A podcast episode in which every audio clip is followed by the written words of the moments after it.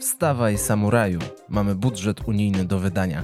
Można by stwierdzić, że Premiera Cyberpunka 2077 nie była zbyt dużym sukcesem, ale to wiedzą gracze, a gracze polityczni nie do końca muszą o tym wiedzieć, jak na przykład Mateusz Morawiecki, który wykorzystał właśnie niedawny fenomen socjologiczny i kulturowy polskiej produkcji, żeby pochwalić się także o tym, że szczyt Rady Europejskiej już za nami, a z nim wielki sukces finansowy i dla rozwoju gospodarczego. Tak przynajmniej napisał na swoim Facebooku. Czy szczyt unijny to jest taki sukces na miarę cyberpunka, czy, czy jeszcze gorzej? Mateuszowi Morawieckiemu tutaj akurat bardzo dobrze wychodzi zażegnywanie czy radzenie sobie z problemami, które wcześniej sam stworzył. Zyski finansowe oczywiście dla polskiej gospodarki targanej kryzysem e, w czasie pandemii koronawirusa będą spore, natomiast jeżeli chodzi o zyski polityczne, no to tutaj możemy powiedzieć, że są żadne, a nawet można chyba stwierdzić, że ponieśliśmy niepowetowane polityczne straty na arenie europejskiej. Ale niezależnie od tego, jak gigantyczne straty na arenie europejskiej ponieśliśmy my jako Polska,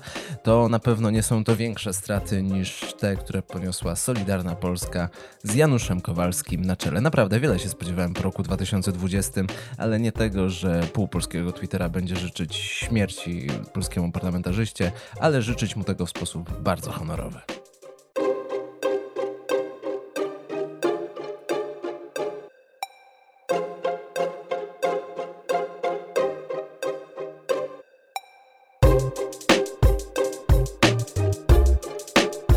Otwarte karty. Dzień dobry. Dzień dobry. Jędrzej Jazgar. I Józef Poznar. Słuchacie podcastu Otwarte karty. Unijny szczyt, który się odbył 10 i 11 grudnia, dobiegł końca. Ustalenia tego szczytu zostały podsumowane, jak to zwykle bywa w przypadku szczytów Rady Europejskiej, w tak zwanych konkluzjach. To jest taki oficjalny dokument, gdzie możemy znaleźć ustalenia, co też szefowie poszczególnych państw członkowskich ustalili. Jest to wspólne stanowisko Rady Europejskiej. Największe kontrowersje, jeżeli chodzi o tematykę rozmów czy dyskusji, które się odbywały w trakcie tego szczytu unijnego, największe kontrowersje budził oczywiście unijny budżet, wieloletnie ramy finansowe, ten fundusz Next Generation EU, który miał który ma wspomóc kraje członkowskie w wychodzeniu z kryzysu gospodarczego wywołanego pandemią koronawirusa.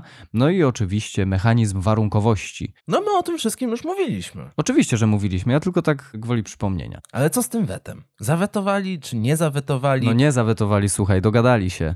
To znaczy, mechanizm warunkowości został przyjęty w identycznym kształcie, w jakim chcieli go zawetować Viktor Orban i Mateusz Morawiecki. To, co się zmieniło, to to, że w konkluzjach Rady Europejskiej zostały zawarte bardzo szczegółowe wytyczne dotyczące stosowania tego mechanizmu, czy dostosowania tego rozporządzenia warunkującego wypłaty z unijnego budżetu od y, przestrzegania wartości unijnych, w tym oczywiście zasady praworządności czy państwa prawa. Już stricte przechodząc do konkluzji Rady Europejskiej, no to tutaj możemy znaleźć takie akcenty jak to, że oczywiście Rada Europejska szanuje i poważa zasadę praworządności, Przypominam, pod tymi konkluzjami podpisał się również premier Morawiecki i premier Orban. Natomiast Rada Europejska stworzyła listę takich wytycznych wobec Komisji Europejskiej, która ma stworzyć swoje procedury które miałyby oceniać praworządność tak, żeby pod żadnym pozorem nie działo się to wedle jakichś politycznych kryteriów, a żeby dotyczyło samej praworządności czy przestrzegania tej zasady praworządności. Rada Europejska przypomina również, że jeżeli chodzi o złamanie e, wartości unijnych, no to tutaj podstawowym przepisem prawnym, który mógłby nałożyć jakieś sankcje na państwo członkowskie, e, które łamie te zasady wymienione w artykule drugim, w tym zasady praworządności, jest artykuł 7 Traktatu o Unii Europejskiej. Przechodząc do takich czysto legalistycznych aspektów, aspektów e, samego rozporządzenia, to oficjalnie wchodzi ono w życie z początkiem 2021 roku. Natomiast prawdopodobnie zostanie stosowanie tego rozporządzenia odwleczone w czasie. I to jest najważniejsza rzecz, o którą walczył premier Węgier Viktor Orban. Jak niesie wieść gminna, to Viktor Orban miał przyjechać do Mateusza Morawieckiego i Jarosława Kaczyńskiego już z gotowymi ustaleniami, których dokonał samodzielnie z Angelą Merkel, kanclerz Niemiec, i dał Polakom ultimatum. Słuchajcie, wynegocjowałem tyle, że się dla was nic się nie zmienia, ja dostaję sobie dwa lata, więc mi, mi to pasuje. Bierzecie albo zostajecie z tym sami. Tak miał powiedzieć Viktor Orban na spotkaniu z Mateuszem Morawieckim i Jarosławem Kaczyńskim i dlatego cała ta walka o to weto i o tą polską suwerenność, niezależność, no i znowu nóż w plecy od Węgra. Czyli zgodnie z tą narracją, którą przedstawiłeś teraz, to Polska miała najmniejszą rolę y, decydującą w tych negocjacjach dotyczących właśnie stosowania mechanizmu warunkowości. No my byliśmy tylko poplecznikiem Węgier w tej sytuacji. Czyli karty rozdawała tak naprawdę Angela Merkel z Viktorem Orbanem. No to nie pierwszy i nie ostatni raz, znając polski rząd. Okej, okay. ja przy tych negocjacjach nie byłem. Natomiast... Ja też nie, ale zaufałem publicystom, którzy z wielu różnych źródeł docierają do takich e, właśnie informacji. Które są bardzo ciekawe, bo pokazują nam też, jaką siłę Polska ma na arenie międzynarodowej, również wewnątrz właśnie Unii Europejskiej. Albo wewnątrz samej Grupy Wyszehradzkiej, w której są tylko cztery państwa. Ze świata politycznych plotek czy domysłów, tajnych informacji wracamy do konkluzji Rady Europejskiej, ponieważ tutaj jest kolejny ciekawy fragment, który mówi o tym, że państwa członkowskie jak najbardziej mogą skorzystać z mechanizmu zawartego w artykule 263 Traktatu o funkcjonowaniu Unii Europejskiej. Ten artykuł pozwala państwom członkowskim zaskarżyć akty prawne Unii Europejskiej po to, żeby Trybunał Sprawiedliwości ocenił, czy te przepisy nie łamią prawa unijnego. To jest właśnie podobna procedura do tego, co mamy w prawie polskim, czyli kontrola konstytucyjności aktów prawnych. To znaczy, na przykład prezydent ma prawo odesłać ustawę do Trybunału Konstytucyjnego i Trybunał Konstytucyjny stwierdza, czy dana ustawa jest zgodna z konstytucją. I podobny mechanizm mamy właśnie w Unii Europejskiej. Polska, żeby to rozporządzenie dotyczące e, mechanizmu warunkowości żeby je zaskarżyć, ma na to dwa miesiące. Po tych dwóch miesiącach, y, jeżeli oczywiście to zrobi, Polska czy Węgry, no to wtedy rozpocznie się postępowanie przed Trybunałem Sprawiedliwości Unii Europejskiej i ono może potrwać ponad rok, może nawet dwa lata, czyli prawdopodobnie, mm, jeżeli Trybunał Sprawiedliwości oczywiście orzeknie, że to rozporządzenie jest zgodne z prawem unijnym, to dopiero wtedy ono zacznie obowiązywać i to już będzie po tym, jak Komisja Europejska nakreśli jakieś wytyczne, według których będzie postępować bardzo precyzyjnie, kiedy ten mechanizm kontroli praworządności będzie stosowany. Czyli może się to trochę odbić czkawką, na przykład Prawo i Sprawiedliwości, bo może się okazać, że ten mechanizm zostanie mm, uruchomiony po raz pierwszy, na przykład w stosunku do Polski czy Węgier, około 2022 czy 2023 roku, czyli tuż przed wyborami, jeżeli oczywiście one odbędą się mm, w tym standardowym terminie, jeżeli nie będziemy mieli jakichś wyborów przedterminowych. Chcesz powiedzieć, że Prawo i Sprawiedliwość wymierzyło strzelbę, która tak jak w Tomie i Jerem po prostu zawraca i trafi w w samo własne czoło? Ja nie twierdzę, że tak będzie na pewno, natomiast jest to jeden z możliwych scenariuszy. Ja w ogóle bym tutaj się nie starał mówić, że tak będzie na pewno. Jest takie prawdopodobieństwo, natomiast ostatni rok nauczył nas tego, że w polskiej polityce bardzo dużo się może zmienić nawet w miesiąc. Ale pamiętaj, że to jest problem odłożony w czasie, a jak mówi pierwsze prawo prokrastynacji, no problem odłożony w czasie nie istnieje taka taktyka, którą moim zdaniem akurat Prawo i Sprawiedliwość y, stosuje dość często, na przykład uchylając się, czy w ogóle nie biorąc się za reformę systemu emerytalnego. No ale to jest akurat cecha wszystkich polskich rządów y, po kolei. Taki gorący ziemniak, który, którego się przerzuca, no bo no umówmy się, tego systemu już raczej nie da się naprawić. Ale wróćmy może do Unii Europejskiej. Podsumowując, cały szczyt unijny, no to jest to chyba najlepszy możliwy scenariusz, jeżeli chodzi o w ogóle budżet unijny, ponieważ przede wszystkim nie będziemy mieli do czynienia z prowizorium budżetowym, które w znaczący sposób y, ograniczyłoby środki, które popłynęłyby z Unii Europejskiej do Polski ciekawostka dla studentów, na przykład y, moglibyście jeszcze dokończyć Erasmusa w tym roku akademickim, w następnym już nie, ponieważ prowizorium budżetowe zamroziłoby właśnie ten program, jak i wiele, wiele innych. Jeżeli chodzi o pieniądze pochodzące z tych wieloletnich ram finansowych, czyli tej unijnej siedmiolatki, no to w ramach tych wieloletnich ram finansowych mamy właśnie ten instrument Next Generation EU, gdzie jest właśnie ten fundusz odbudowy y, po-covidowy, czy w trakcie covidowy. No i z niego akurat Polska będzie miała spore kwoty. Co ciekawe, Polska jest jednym z największych beneficjentów jesteśmy w grupie tych pięciu państw, które otrzymają najwięcej pieniędzy z, właśnie z tego, z tego funduszu odbudowy. Może tylko krótko przypomnę liczby. Z tego instrumentu przez pierwsze dwa lata, czyli w roku 2001 i 2002, do Polski ma trafić około 30 miliardów euro bezpośrednich dotacji i ponadto jeszcze otrzymamy 30, ponad 30 miliardów, około 34 z tego co pamiętam, miliardów euro w ramach korzystnych pożyczek, które zaciągnie Komisja Europejska. Komisja Europejska uzyskała oczywiście taką zgodę od państw członkowskich, żeby się zadłużyć na y, bardzo dużą skalę, która przekracza jej y, standardowe uprawnienia. Jedyne chyba, co jeszcze może tutaj nie wypalić, to to, że decyzja o zasobach własnych, czyli ten akt prawny Unii Europejskiej, gdzie y, mówi się o tym, skąd te pieniądze na budżet unijny czy wieloletnie ramy finansowe mają pochodzić, ona jeszcze musi być ratyfikowana przez każde państwo członkowskie zgodnie z jego wymogami konstytucyjnymi, czyli na przykład polski parlament mógłby tego typu rozwiązanie zawetować. Chociaż nie wydaje mi się, żeby to zrobił, ponieważ po ostatnim posiedzeniu członków Solidarnej Polski widać, że krytykowali weto, no ale jednak jakoś tę decyzję polityczną przełknęli. No przecież chyba nikt poważny nie liczył, że dotrzymają słowa, zwłaszcza gdy używają takich hiperbol jak weto albo śmierć. Bo mi tak naprawdę jest po ludzku żal Janusza Kowalskiego. Tak po prostu chłopa mi jest szkoda, no bo jak, jak można się poczuć, jak się wchodzi na przykład wieczorkiem na Twittera, żeby coś tam pośmieszkować, gdzieś tam powrzucać jakieś gówno memy, jak się z politykiem, a widzisz połowę tablicy zawaloną hashtagiem z twoim imieniem i nazwiskiem i wszystko to w czerni i bieli, jeszcze zniczy ludzie wystawiają i mówią śpi słodko aniołku.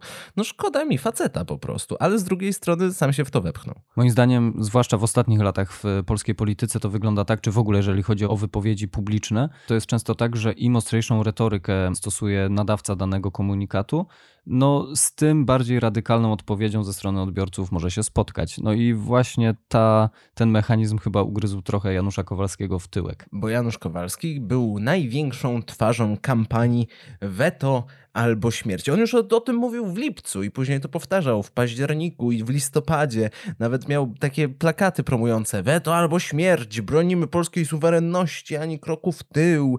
I za każdym razem on to powtarzał, weto albo śmierć. No to co, no to teraz no, lud domaga się, żeby polityk zachował się honorowo, weta nie ma. No to panie pośle, no sam pan mówił ta retoryka o utracie suwerenności. Przecież to słyszymy nieprzerwanie chyba od momentu, jak y, Polska w ogóle mia miała wejść do Unii i to z różnych stron sceny politycznej. Mnie to bawi o tyle, że y, no dzisiaj suwerenność chyba nie może być tak postrzegana jak jeszcze na przykład 100 lat temu, że jesteśmy niezależnym państwem, no bo dzisiaj na przykład Polska poza Unią Europejską wydaje mi się, że miałaby troszkę mniej suwerenności, bo byłaby o wiele bardziej podatna na y, ataki ze strony Rosji. Wchodzimy w jakąś taką głęboką geopolitykę. Pamiętaj, że mówisz w tym momencie o jakichś rzeczach zdroworozsądkowych, a przecież zaczęliśmy od polityków polska Solidarnej racja, Polski. Tak, polska racja stanu, tylko polska racja stanu, wyłącznie. Tylko to mamy w serduszkach. Podobnie jak europosłanka Solidarnej Polski Beata Kempa która... A, ja zapominam, że ona jest w ogóle z Solidarnej Polski. W sensie czasami sobie... A czemu? Myślałbyś, że jest, y, nie wiem, jakoś skoligacona na przykład z Aleksandrem Jabłonowskim? Nie, bardziej, że ona mi się kojarzy jako ten typowy beton pisowski, a później sobie przypominam, że faktycznie ona była w tym egzodusie Zbigniewa Ziobry i później czytam jej wpisy i totalnie mi pasuje do tej kliki ziobrowskiej. Przypominam też, że pani Kempa prosiła sobie prawo do wstępnej oceny, czy wyrok Trybunału Konstytucyjnego jest zgodny z prawem i na przykład wstrzymywała jego publikację w Dzienniku Ustaw. Ale przejdźmy już y, może na Twittera, ponieważ tak, Beata Kępa odniosła się do swojego politycznego przełożonego Zbigniewa Ziobry.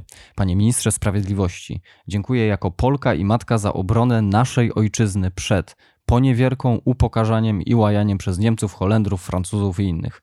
Właśnie uroczyście oddaliśmy suwerenność pod rządy obcych państw. Z uśmiechem, oprawą PR-ową i po radości tych, którzy nigdy Polski nie mieli w sercu.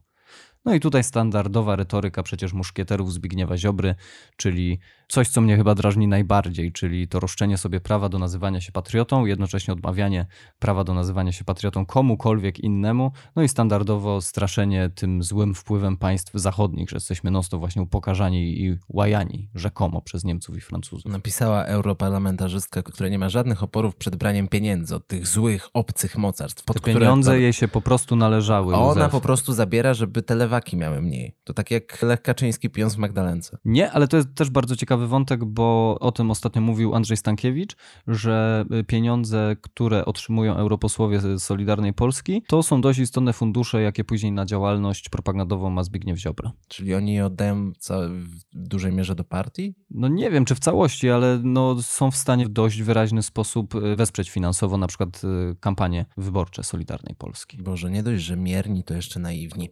To ja mam z kolei komentarz e, nie tyle z Solidarnej Polski, ba, nawet nie z Prawa i Sprawiedliwości, ale z Trybunału Konstytucyjnego. Sędzia tego Trybunału, Krystyna Pawłowicz. Wytrwajmy do 1 stycznia. Nie chcę zostać unijnym Niemcem za żadne pieniądze. Wytrwajmy.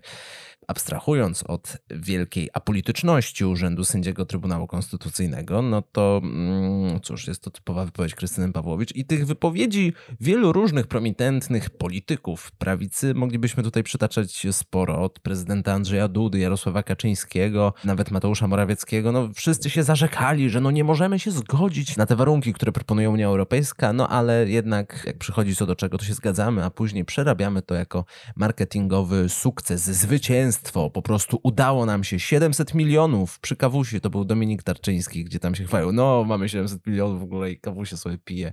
Przypomniałem mi się słowa Jacka Kurskiego, które miał kiedyś zaadresować do dziennikarzy. To było wtedy, jak była kwestia dziadka z Wehrmachtu Donalda Tuska przed wyborami w 2005 roku. Jacek Kurski miał rzucić pamiętne, ciemny lud kupi wszystko.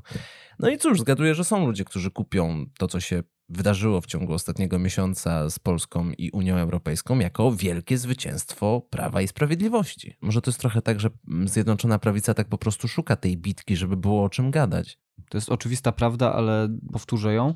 Prawo i Sprawiedliwość żyje z konfliktów. No to jest właśnie to bohaterskie radzenie sobie z problemami, które się stworzyło samemu jeszcze parę miesięcy wcześniej. No na tym można zbijać jakiś kapitał polityczny, natomiast wydaje mi się, że ta grupa odbiorców, która jest w stanie to łyknąć, już jest bardzo, bardzo wąska, zwłaszcza w świetle ostatnich spadków zarówno sondażowych, jak i też biorąc pod uwagę badania mówiące o tym, ilu Polaków dobrze czy źle ocenia działania rządu No ja a propos jeszcze Janusza Kowalskiego nadmienię tylko, bo to nie jest tak powszechna wiedza, że w 2005 roku y, Janusz Kowalski miał romans z Platformą Obywatelską, do której się zapisał. Ale z drugiej strony, który z polityków Solidarnej Polski nie robił maślanych oczu do Tuska? No Patryk Jaki też kiedyś startował z Platformy Obywatelskiej, a myślę, że i Zbigniew Ziobro kiedyś rozważał taką opcję, więc... Ale to też były czasy, kiedy Prawo i Sprawiedliwość i Platforma Obywatelska były o wiele bardziej do siebie podobne niż dzisiaj. Tak, ale z drugiej strony nie zapominajmy, że i jedna, i druga wychodzi z rdzenia chadeckiego. No właśnie, obie partie wtedy identyfikowały, znaczy mówimy teraz tam o roku, nie wiem, 2005, 2007. A nawet wcześniej, 2001, 2002, 2003, gdzieś te momenty. No obie te partie identyfikowały się jako centroprawicowe. PiS zawsze kładł mocniejsze akcenty na tę politykę solidarnościową, politykę socjalną. PO z kolei było bardziej liberalne gospodarczo bo nie zapominajmy, że przecież sam e, Donald Tusk, jeden z tych pierwszych trzech e, tenorów Platformy Obywatelskiej, on pochodził z tego środowiska gdańskich liberałów. Ba, przecież chyba jego praca magisterska, bo on jest historykiem z wykształcenia, e, dotyczyła właśnie idei gdańskiego liberalizmu. Ale już wracając do Solidarnej Polski, Solpolu, w sobotę miała miejsce taka spora narada w Solidarnej Polsce, gdzie w drodze tajnego głosowania została podjęta decyzja o nieopuszczaniu koalicji Zjednoczonej prawicy.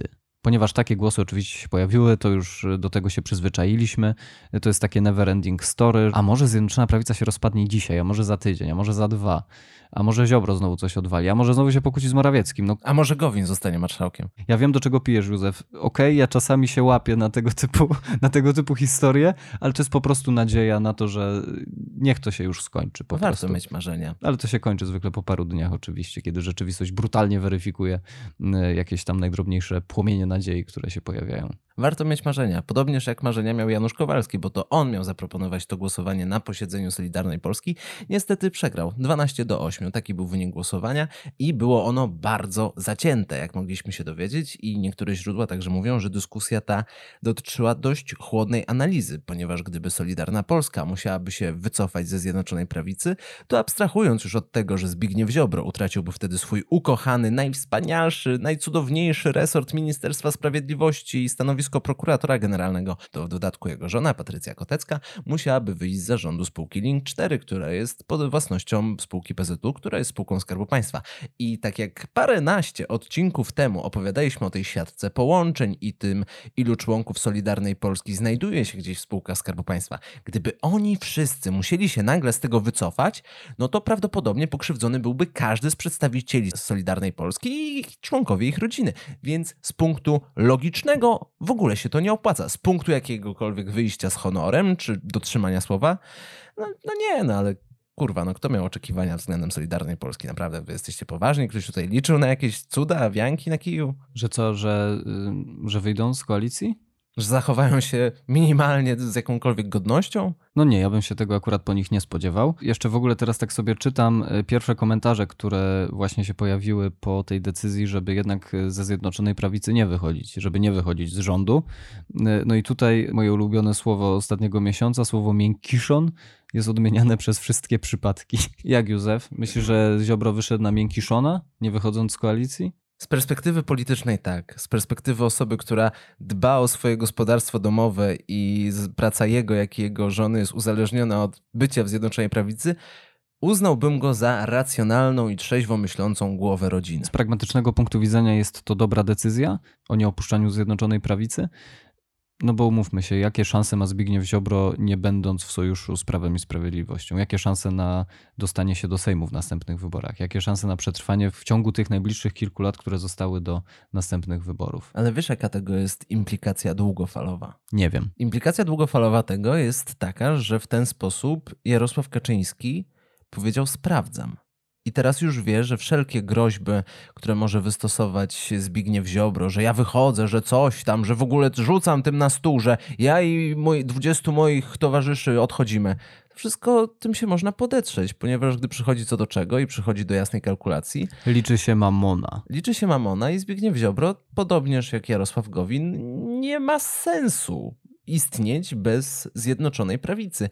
Więc y, wydaje mi się, że to może być też taki kamień milowy tych rekonstrukcji, tej, tej kłótni, tej szarpaniny wewnątrz Zjednoczonej Prawicy i w tym momencie Zbigniew Ziobro będzie na o wiele bardziej straconej pozycji. I kto wie, może za jakiś czas, gdy dokona się jakaś lepsza, bliższa matematyka i Jarosław Kaczyński będzie już tym wszystkim zmęczony, to może da czarną polewkę Zbigniewowi Ziobrze i ktoś inny przejmie Ministerstwo Sprawiedliwości. Tylko tutaj pozostaje bardzo kluczowe pytanie. Pamiętasz, jak już y, poszły pierwsze y, przecieki, że Dariusz Piątkowski zostanie zdymisjonowany ze stanowiska ministra edukacji? No i pojawiły się też właśnie te przecieki, że będzie nim Przemysław Czarnek. No i tak jak myśleliśmy przy Piątkowskim, że gorzej być nie może, otóż może. No tak, natomiast nie wyobrażam sobie, żeby do edukacji i oświaty minister Czarnek dostał jeszcze prokuraturę generalną. Nie, nie, nie, ja nie mówię, że ja nie mówię, że Czarnek miałby przejąć Ministerstwo Sprawiedliwości, ale myślę, że Jarosław Kaczyński byłby w stanie znaleźć kogoś, kto doprowadziłby już całkowicie do ruiny polski system prawny. Musiałaby to być osoba o wiele bardziej kompetentna niż Zbigniew Ziobro, bo on to próbuje od pięciu lat i wychodzi mu jak wychodzi. Nie no, no zrujnował, ale można jeszcze bardziej chyba. Ja nie chcę mówić sprawdzam, aczkolwiek powątpiewam. Co? W sensie, że myślisz, że nie byłoby gorszego ministra sprawiedliwości z nodania Jarosława Kaczyńskiego niż Zbigniew Ziobro? A na przykład y, Piotrowicz. Obecnie jest w Trybunale Konstytucyjnym, no ale jednak, gdyby. Mm, nie, ponieważ pamiętam jego zachowanie, jak był przewodniczącym Komisji Sprawiedliwości i nie chcę używać rzeczy, które są inwektywami, ale mam wrażenie, że on byłby zbyt pogubiony, żeby to jakoś tak skutecznie rozpierdolić. No dobrze, tego typu dywagacje to możemy sobie prowadzić e, do późnych godzin nocnych. Nie będziemy was już tymi dywagacjami politycznymi czy wróżeniem z fusów zamęczać. Także życzymy miłego dnia i powoli się żegnamy. To były Otwarte Karty, Józef Poznar. Jędrzej Jazgar. Dzięki wielkie za słuchanie. Słyszymy się już wkrótce. Trzymajcie się cieplutko. Do usłyszenia. Papa. Pa.